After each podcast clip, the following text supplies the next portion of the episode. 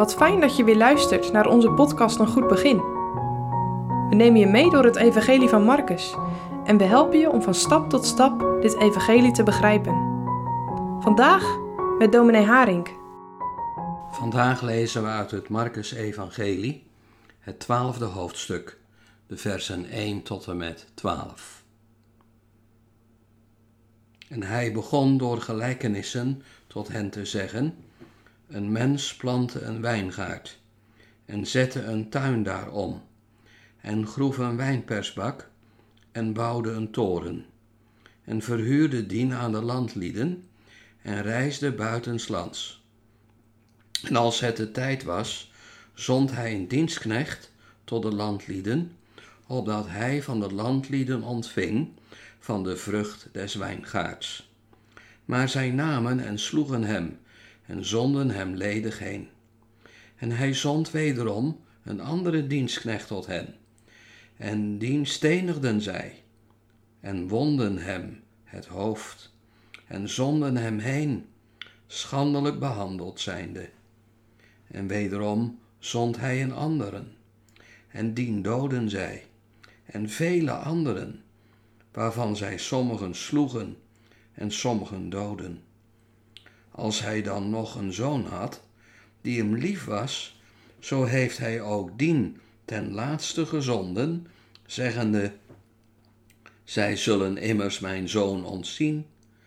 Maar de landlieden zeiden onder elkander, deze is de erfgenaam, komt, laat ons hem doden, en de erfenis zal onze zijn. En zij namen en doden hem, en wierpen hem uit buiten de wijngaard. Wat zal dan de Heer des wijngaards doen?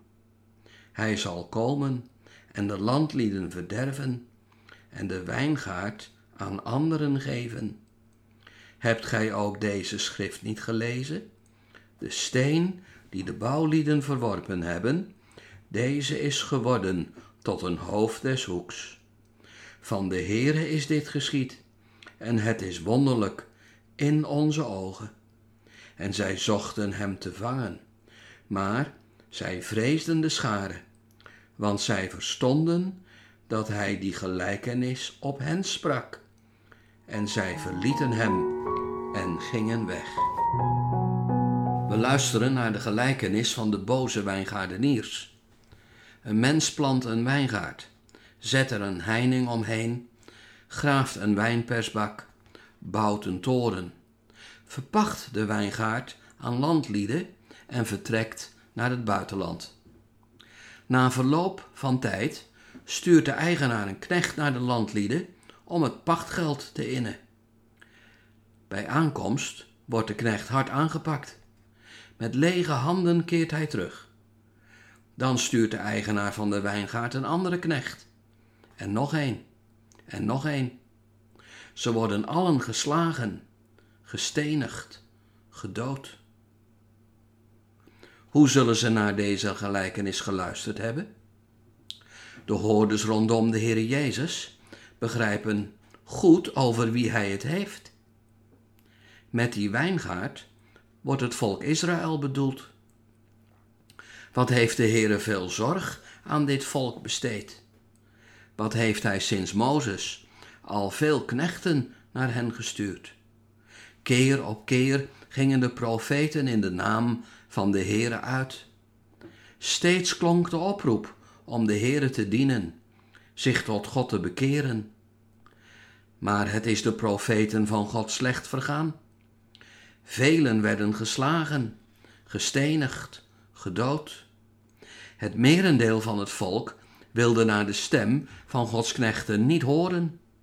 Ze hielden het liever bij een beetje godsdienst voor de vorm, zodat ze verder hun eigen leven konden leven. Het verhaal gaat verder. De eigenaar van de wijngaard stuurt tenslotte zijn eigen zoon.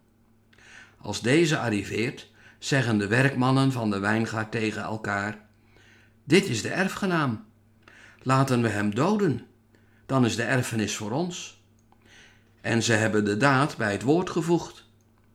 De zoon wordt gedood en als een stuk vuil buiten de wijngaard gegooid. Begrijp je wie er met de zoon, de erfgenaam, wordt bedoeld? Het is de zoon van de Hemelse Vader, de Heere Jezus Christus. De geestelijke leiders in Jeruzalem hebben hun plannen al gemaakt. Jezus moet gedood worden. Straks zullen ze het volk ophitsen en klinkt de roep: Weg met hem, kruist hem. Is dit het einde van het verhaal? Je zou het haast denken. Maar dan stelt Jezus een vraag. Wat zal de Heer van de wijngaard doen? Hij zal komen en de landlieden verderven en de wijngaard aan anderen geven. Ze moeten het gevoeld hebben. En toch blijven ze volharden in de zonde. Het houdt ook ons een spiegel voor. Hoeveel aandacht heeft de Heere al aan ons gegeven? Al jong kwam de Heere tot ons met zijn woord. Toen je nog niets wist van Adam, van de zonde en van de verlorenheid van mensen, kwam de Heere al tot je in je doop en liet hij zien dat het bloed van de Heere Jezus wast en reinigt van al de zonde. Wat heeft de Heere ons veel van zijn liefde getoond?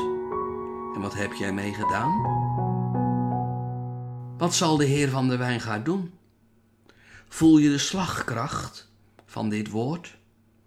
Buig voor de Heere, hoor naar zijn stem, want de steen die de bouwlieden verworpen hebben, deze is geworden tot een hoofd des hoeks.